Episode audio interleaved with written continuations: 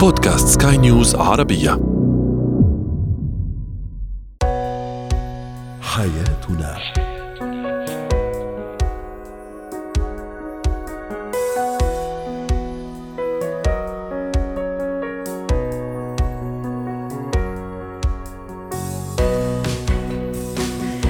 مستمعينا الكرام أهلا بكم معنا إلى حياتنا فضاؤكم اليومي الذي يعنى بالشؤون الأسرة وباقي الشؤون الحياتية الأخرى والذي يمكنكم الاستماع إليه. عبر منصة سكاي نيوز عربية dot com slash podcast وباقي منصات سكاي نيوز العربية الأخرى. شاركونا عبر رقم واتساب 00971 56 18 ستة ثلاثة. معي أنا أمال شاب. اليوم نتحدث عن متى يشعر الزوج أو الزوجة الشريك بشكل عام بقيمة وأهمية الطرف الآخر. ضرورة التوعية الجنسية للطفل وكيف يكون ذلك بأسلوب تربوي وعلمي صحيح. وأخيرا كيف نكتسب مهارة التحدث؟ هو وهي. جميل أن يشعر المرء بأهميته وقيمته لدى الآخرين. الأمر كذلك ينطبق بشكل كبير جدا على العلاقة بين الزوجين بين الزوج وزوجته. هل هناك وقت محدد للشعور بهذا الإحساس أو مواقف محددة؟ أم بالعكس دام أنهما زوج وزوجة لا يوجد وقت محدد للشعور بهذا الإحساس. رحبوا معي بدكتورة ريما بجاني الاستشارية النفسية ضيفتي العزيزة من بيروت. أهلا وسهلا دكتورة ريما. كان هذا سؤالنا التفاعلي على منصات سكاي نيوز عربية متى يشعر الزوج أو الزوجة بقيمة شريك حياته؟ تعليق يقول عند الشدائد أو المرض أيضا تعليق آخر يقول بالفراق أيضا تعليق. أبو يوسف يقول عند المرض ومنى تقول لا يجب يجب على يعني على طول أو في كل أوقات أن يشعر الشريك. بأهميته وقيمته عند الطرف الآخر، ما رأيك دكتورة؟ هل فعلا في مواقف تبين قديش أنا مهم أو مهمة عند الطرف الآخر أو لا ولأني زوجته أو زوجها فالمفروض هذا الشعور والإحساس يكون دائم مش فقط بالمواقف. آه، رح أنطلق صراحة من نقطة أساسية، يعني نحن إنه العلاقة الزوجية هي علاقة لازم طول تكون عم ينشغل عليها، ليش بلشلك بهيدا الفكرة عمالة، نحن اليوم نعتبر إنه العلاقة الزوجية وقتها تتاخذ for granted وهيدي النقطة اللي بدي بلش فيها يعني اخذها تحصيل حاصل خلص صار الزوج والزوجة موجودين وهيدي العلاقة ماشية، هون ببلش نفقد قيمة أو نفقد قيمتنا عند الآخر، رح افسر لك شو يعني. المستمعين بجد حدا قالت إنه لازم على طول نحس هذا الشيء، رح انطلق من اللي قالته، بأي معنى؟ أنا اليوم بحس بقيمتي وقت أكون بالشدائد أو بالأحزان أو بالمرض et cetera يعني أنا في شيء أساسي شاغل عليه بالعلاقة يلي هو ولا مرة آخذ شريكي for granted يعني ولا مرة اخذه إنه هو تحصيل حاصل موجود هون. إذا بدك هذه النقطة الأساس بأي معنى؟ أنا اليوم وقت على طول أشتغل على هيدي العلاقة تكون على طول على مستوى عالي من الإحساس من الفرح من التناغم من التواصل. كوني اكيده يعني أنا اليوم هيدا الشريك هو مهم لإلي وراح تعطيني أهمية أنا أكون كمان مهم بهيدي العلاقة. يعني هي بتصير فيها إذا بدك ردة فعل إيجابية. فإذا اليوم بقدر أنا أعطي بمحلات معينة بدي تكون موجودة قيمتي بهيدي العلاقة وهي إذا بدك هيدي النقطة الأساسية. أنا اليوم كيف بعرف قيمتي؟ بكل الأوقات مقدرني بكل الأوقات حاسس بقيمتي بهيدي العلاقة. أنا added value بدل ما أكون for granted أنا added value أنا حدا قيمة مضافة بهيدي العلاقة. أنا اليوم عم بيعبر لي عن هذا الشيء randomly بحياتي اليومية. بحياته هون إذا بدك قد ما فينا بنفوت بالديتيلز أو بنحكي عنهم.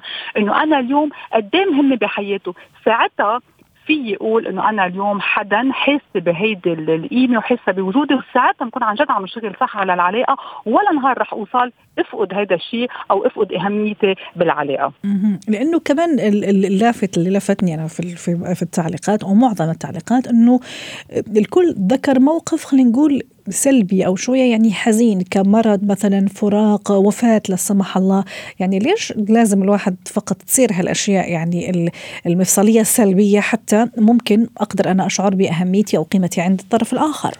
رح ضوي لك علي هيدي النقطة، عادة بتكون رح لك شو بصير بالعلاقة الزوجية، إيه بس قول نحن أخذناها for granted أو فات تحصيل حاصل تعودنا. بنفقد آه، بفقد أهمية قيمة الشريك ما بعرف إذا وصلت فكرتي.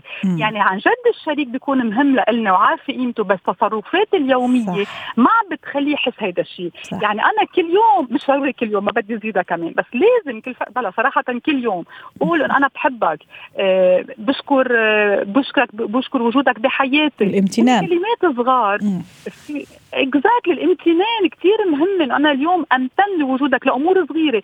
بشكرك لأنك موجود بهذا الموضوع اللي أنت supportive لإلي فيها تكون أمر صغير. يمكن إذا عندنا بيبي صغير خلاني نام اليوم هو واعي على البيبي. يعني تفاصيل صغيرة بحياتنا.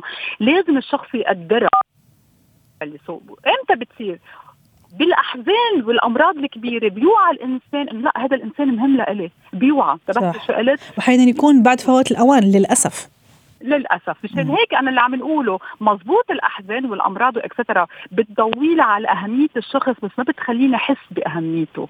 أنا لازم أحس بأهميته كل يوم بوجودي مش هيك رح لك على الأساسات أنا اليوم كيف بعرف؟ بعرف إنه هو added value بحياته حدا قيمة مضافة موجود هون بضحكني بيسليني support لإلي آه، حاسة بالأمان. يعني كل الأمور الأساسية اللي بدي إياها بالحياة اللي بحبها بالشريك لازم ضوي عليها كل يوم وأقول قديش أنا آه، آه، هلا أكيد مش كمان كثير نبخر ما ننتبه مش كل وقت نقضيها. بس إنه أكيد نعطي هالأهمية لأنه وقت يصير الأمور الثقيلة بتخليني أحس إنه هذا الإنسان مهم. أنا موجود هيدي الأهمية عندي بس ما عم بقدر ضوي عليها. صحيح. دكتورة ريما يقال أو يقول البعض أنه مثلا موضوع أحيانا الابتعاد أو إعطاء الزوج أو الزوجة مساحة أو مسافة كذا أم، معينة مسافة شخصية أو مساحة حرية شخصية مثلا. هذه مث- مثلا من الأشياء اللي ممكن يعني تعرفني قيمتي عند الآخر عند الزوج أو عند الزوجة. مثلا زي ما تفضلتي كمان ال- ال- المشاركة ما في, أمور ممكن تحدث في البيت أو في المنزل التشاركية مثلا في أشياء في أمور في هوايات كمان ممكن هذه من الأشياء اللي ممكن يعني أقدر من خلالها أعرف أنا يعني أهميتي عند الطرف الآخر. هل هذا صحيح؟ وكيف أقدر أخليها زي ما تفضلتي أنت في البداية بشكل دائم؟ يعني هي ديمومة مش فقط تتوقف على موقف سواء كان إيجابي أو سلبي. صحيح. هون أول شيء بدي على النضوج اللي عندهم اياه الشريكين، للأسف بعض الأحيان ما بيكون عندي نسبة النضوج الكافية إنه اشعر بهالطريقة، لأنه كمان إذا أنا كثير حسست الشخص الآخر بقيمته، هو ما كان عنده النضوج الكافي، كمان في ياخذني لإلي for granted، يعني هم ينتبه في خيط رفيع بين إنه أنا نضوجي يسمح لي أعرف قيمتي ويكون هالشيء إيجابي على العلاقة، لبعض الأشخاص بياخذوها بطريقة سلبية وبصيروا يشوفوا حالهم على الشريك، فإذا. من هالمنطلق ال space اللي حكيت عنها أو هالمساحة أنا معها كمان بديمومه يعني on daily basis بحياتنا اليومية من دون ما تكون مثل قصاص أو إنه هلأ أنا رح أقعد شوي تحس بقيمتي. من هالمنطلق ما بحبها بس من منطلق إنه أنا بحياتي اليومية أنا كمان بقول نسبة بهار وملح للعلاقة. ليه. بتعرف الأكل مش طيب بلا ملح وبهار. لو. بيكون أوقات يمكن إذا زدناه بصير ثقيل فإذا أنا اليوم بعتبر إنه أنا بحياتي اليومية آخذ وقت صغير لإلي أو شيء بيفيدني لإلي أنا طول بحكي إنه لازم يكون عنا وقت لإلنا. تيعطينا هيدي إذا بدك ال quality time إيه أنا معها تكون عم بعطي إذا نوعية بعلاقتي بس مش تكون بإطار إنه أنا اليوم بدي أعلمه أو بدي فرجيه أو إنه extra بهذا الإطار بتبطل منيحة نعم. بتصير مأذية لأنه كمان بصير لها تفاعل سلبي مع نعم. الآخر شكرا لك دكتورة ريما برجاني الاستشارية النفسية والاجتماعية ونعتذر عن رداءة الصوت من المصدر. زينة الحياة. التوعية الجنسية للطفل. ماذا يعني توعية جنسية عند الطفل؟ هل في يعني مرحلة سنية معينة أو عمر معين يجب أن يعني أبتدي فيه بهذه التوعية؟ في طرق تربوية علمية آه، صحيحة تتناسب مع الطفل ولا تتنافى آه، طبعا مع أخلاق وقيم المجتمع. رحبوا معي بريم صابوني الاستشارية النفسية والتربوية ضيفتي العزيزة من القاهرة. أهلا وسهلا أستاذة ريم. ممكن أحيانا الموضوع أو العنوان يكون شوية صادم للبعض شوية البعض لا يتقبلوه ممكن مخجل عند بعض الآخر أو عند الآخرين.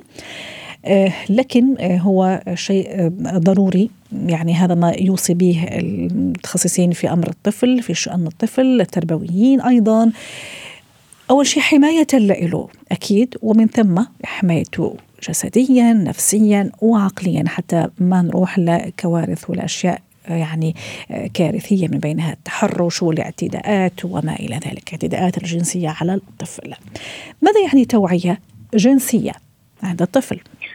بالفعل هو من القضايا التي تتعلق بالتابو الاجتماعي آه، وزي ما قلتي صادم آه، أحيانا عليه استفهام أحيانا عليه تعتيم التوعية تعني إن أنا أبدأ بعمر مبكر. هو مش عمر محدد بصراحة هو يبدأ من يوم واحد عند الطفل من أول ما يولد.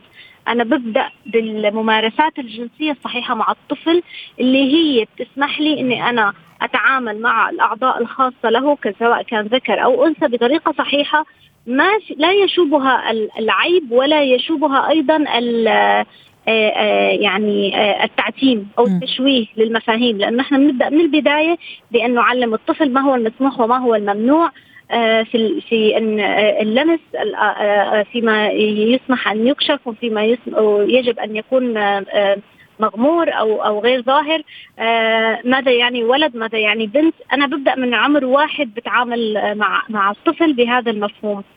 طبعا الوعي الجنسي يبدأ عند الأطفال أصلا عند الذكور من سن السنة وعند الإناث من سن سنتين. آه عند الذكور لأنه هو من السهل جدا أن يكتشف الطفل اعضائه الخارجية وعند الفتاة آه بعد السنتين يبدأ آه سن الاكتشاف.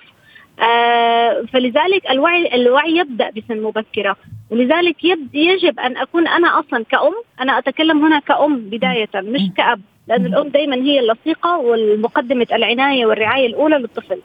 فيما بعد نفضل أن أن تبدأ أن تأخذ آه، التوعية الجنسية آه، آه، منحى مختلف. ال ال الأم هي التي تتولى التوعية الجنسية عند بنت والطفلة يعني البنت ويفضل الأب أن يقوم بهذا الدور مع لأنه هو ابتداء من أي سن أستاذ ريم؟ من سن خمس سنين. نحن نبدأ كمان بالحديث المباشر. مع الطفل عن تسمية الأعضاء الجنسية ما بنسميها بأسماء عيب أو من أسماء يشوبها آه، التشويه المعرفي اللي هو مثلا الشيء العيب الذي بين قدميك أو الشيء الذي لا آه، لا ما بنسميه الشيء بنسميه باسمه العلمي. وحين ممكن تقال بهمس مثلا أو بطريقة ممكن بصوت يعني جدا يعني آه، منخفض كدليل على أنه شيء ما لازم يسمع.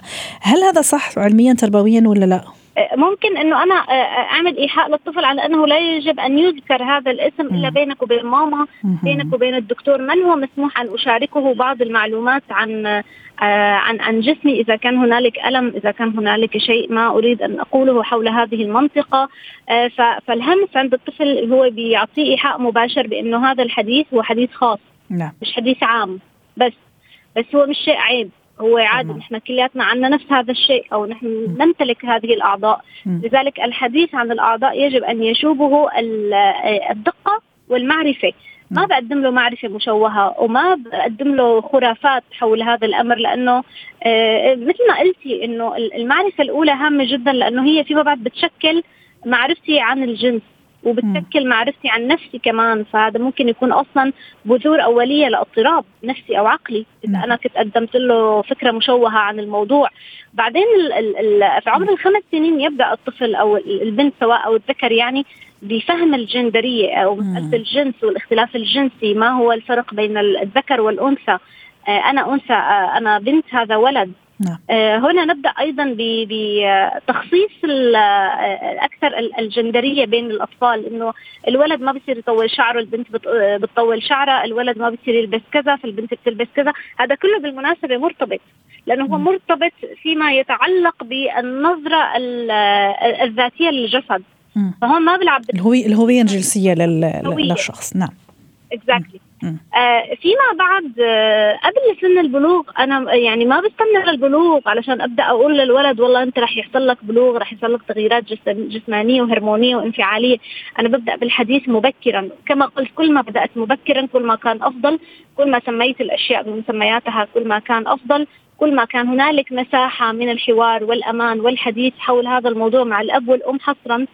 ومن هو المسموح له أن يلمس أو يشوف هذه الأعضاء ومن له غير مسموح أصلا؟ آه ويجب هون أنا كمان بدي شدد إنه في مرحلة معينة أن تتدخل مؤسسات تربوية أيوه أنا كنت هذا اللي راح أسأله أسأله. صح تفضلي عم تحكي في نقطة غاية غاية في الأهمية. نعم. م. يعني أنا هون بدي وعي إنه الطفل أصلا يدخل حضانة من سن ثلاث سنين واحيانا من سن سنتين. فأنا هون لم أعد أنا المشارك الوحيد في عملية التربية وغرس المفاهيم والقيم.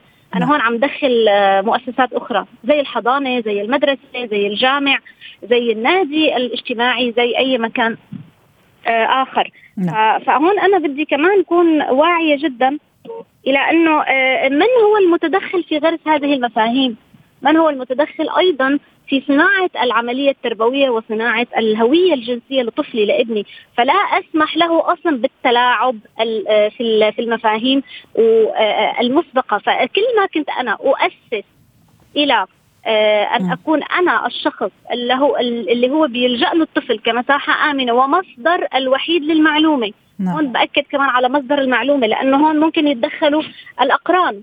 في إعطاء المعلومات الخاطئة. صحيح. ممكن تتدخل المصادر تكون خاطئة كمان. وأنا أشير. مهم. نعم. وال social media والموارد ال- الإلكترونية المفتوحة بعمر مبكر جدا. أنا يأتيني أطفال في عمر السادسة هن عم يتلقوا أصلا معلومات جنسية خاطئة. مهم. أو عم يشوفوا مشاهد لا يصح أنهم أصلا يشوفوها ولا يفهموها في هذا السن. لأنه أنا أقدم للطفل حسب سنه ما يتناسب مع مرحلته فقط. صحيح يعني ما بكتر معلومات ولا بقلل كمان ولا بشوه ولا حتى أقدم معلومات آه، لأني أنا محرجة آه، فالطفل مثلا هيسالني أنا كيف إجيت على هي الدنيا ماما فانا بروح بقدم له معلومة مشوهة. آه، فبروح بقول له والله آه، أنا وجدتك فجأة ولا. جابك آه، ما بعرف من وين. معلومه أو أو قصص نسمعها غريبة جدا. واحيانا نتندر حولها. طيب. يعني وتكون مصدر للفكاهة. فهذا خاطئ كمان. صحيح. انه إني أحكي قدام الطفل. آه، أحاديث جنسية وظنا مني أنه لا يفهم أو لا يستوعب. صح صح. طبعا هو يفهم كل شيء. أستاذ ريم خلينا كمان نروح لمرحلة جدا في غاية الأهمية اللي هي مرحلة المراهقة. حضرتك حكيتي عنها ما قبل المراهقة إنه ما نخلي الطفل لغاية ما فعلا تظهر عليه هذا العلامات وبعدين نحكي له. طيب مرحلة المراهقة أكيد تغيرات كبيرة يعني راح تصير عند هذا المراهق على مستويات كثيرة وممكن أسئلة تدور في خلده في أسئلة اللي يقدر يعرف إجابة لها وأسئلة ممكن يستحي يجي أنا يسألني أو يسأل باباه أو هي تسألني أو تسأل باباها رغم إنه إحنا متفقين أنه في سن معينة خلص التوعية الجنسية أنا كأم أنا أعطيها لبنتي وأنا كأب أنا أعطيها لابني. طيب كيف أتعامل مع هذا المراهق اللي في في في, في رأسه عشرات الأسئلة؟ وممكن حتى ما يقدر يجي يعني يسألني هي يعني ما, يسألني ما يقدر. حياء خجلا خوفا يعني اللي هي. صحيح نحن ما بدنا نعول إنه كل الأطفال هن على نفس باختصار ال- الفكرة إنه أنا ممكن أبدأ شوي شوي أقول له أنت الآن تطول عم تطول بعض سنتيمترات. توقع قدام إنه أنت مثلا حيظهر لك شعر على وجهك. آه،. شعر تحت الإبط آه، مثل بابا. آه، البنت أنت ممكن توقعي. إنه منطقة الثدي أصبحت مثلا بارزة هذا تأهيل لك حتى تصيري مثل ماما فتوقعي إنه أنت لقدام مزيد من التغييرات الفيزيولوجية رح تطرأ عليكي. إذا حسينا بقى بالتغيرات الهرمونية اللي هي بتأثر على الحالة الانفعالية والعاطفية فنحن نقول- آه، نطمئن هذا المراهق ونقول له على فكرة هذا من ضمن عوامل البلوغ وانت. عم تكبر و... تماما. ونطمئن إنه هذه الأمور جدا عادية وإذا عنده أي سؤال أكيد رح يجي عندنا لأن كأب وأم وأكيد ممنوع منعا باتا أي شخص ممكن يتعدى على هذا الخصوصية وعلى يعني قصدي هون مثلا أعضاء معينة أماكن معينة حتى وهو مراهق أكيد من دون شك يعني هذا تنبيه كثير ضروري. شكرا لك أستاذ ريم. أسعدتيني وأتمنى فعلا يكون موضوع أفاد الجميع خاصة أولياء الأمور. يعطيك ألف عافية. مهارات الحياة.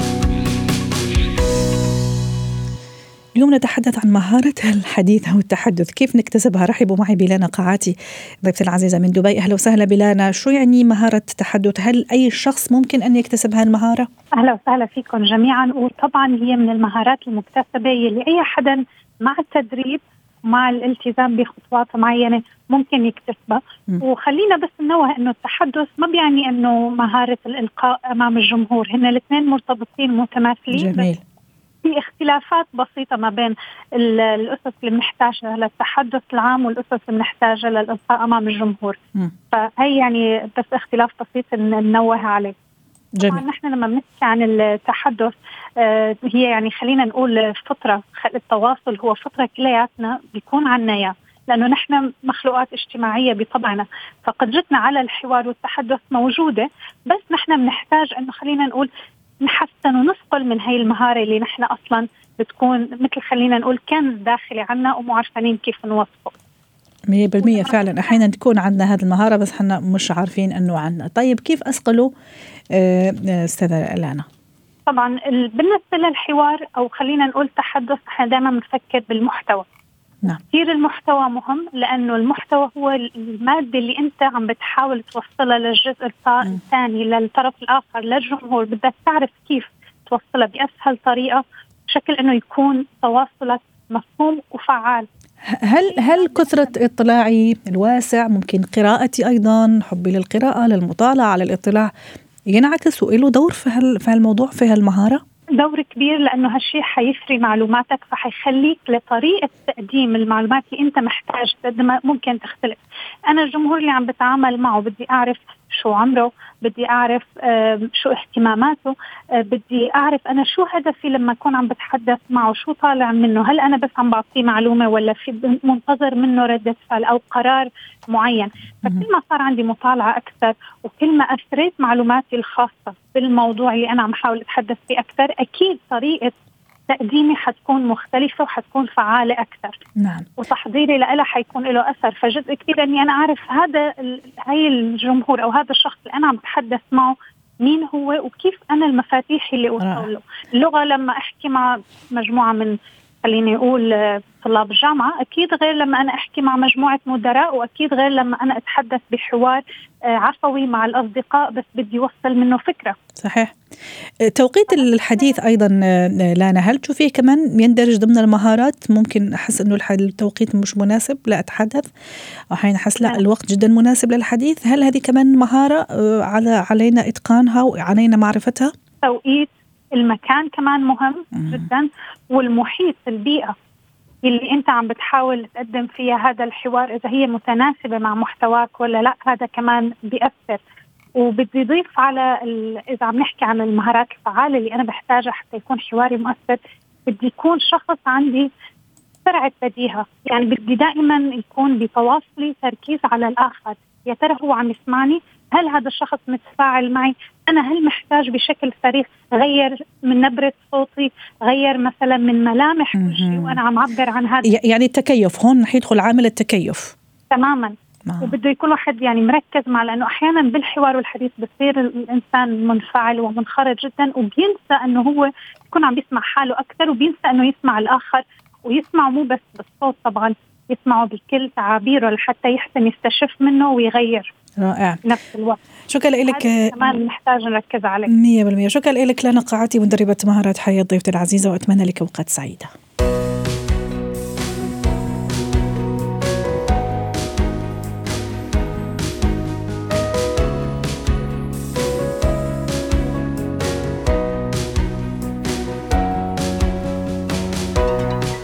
حلقة اليوم من حياتنا. شكرا لكم وإلى اللقاء.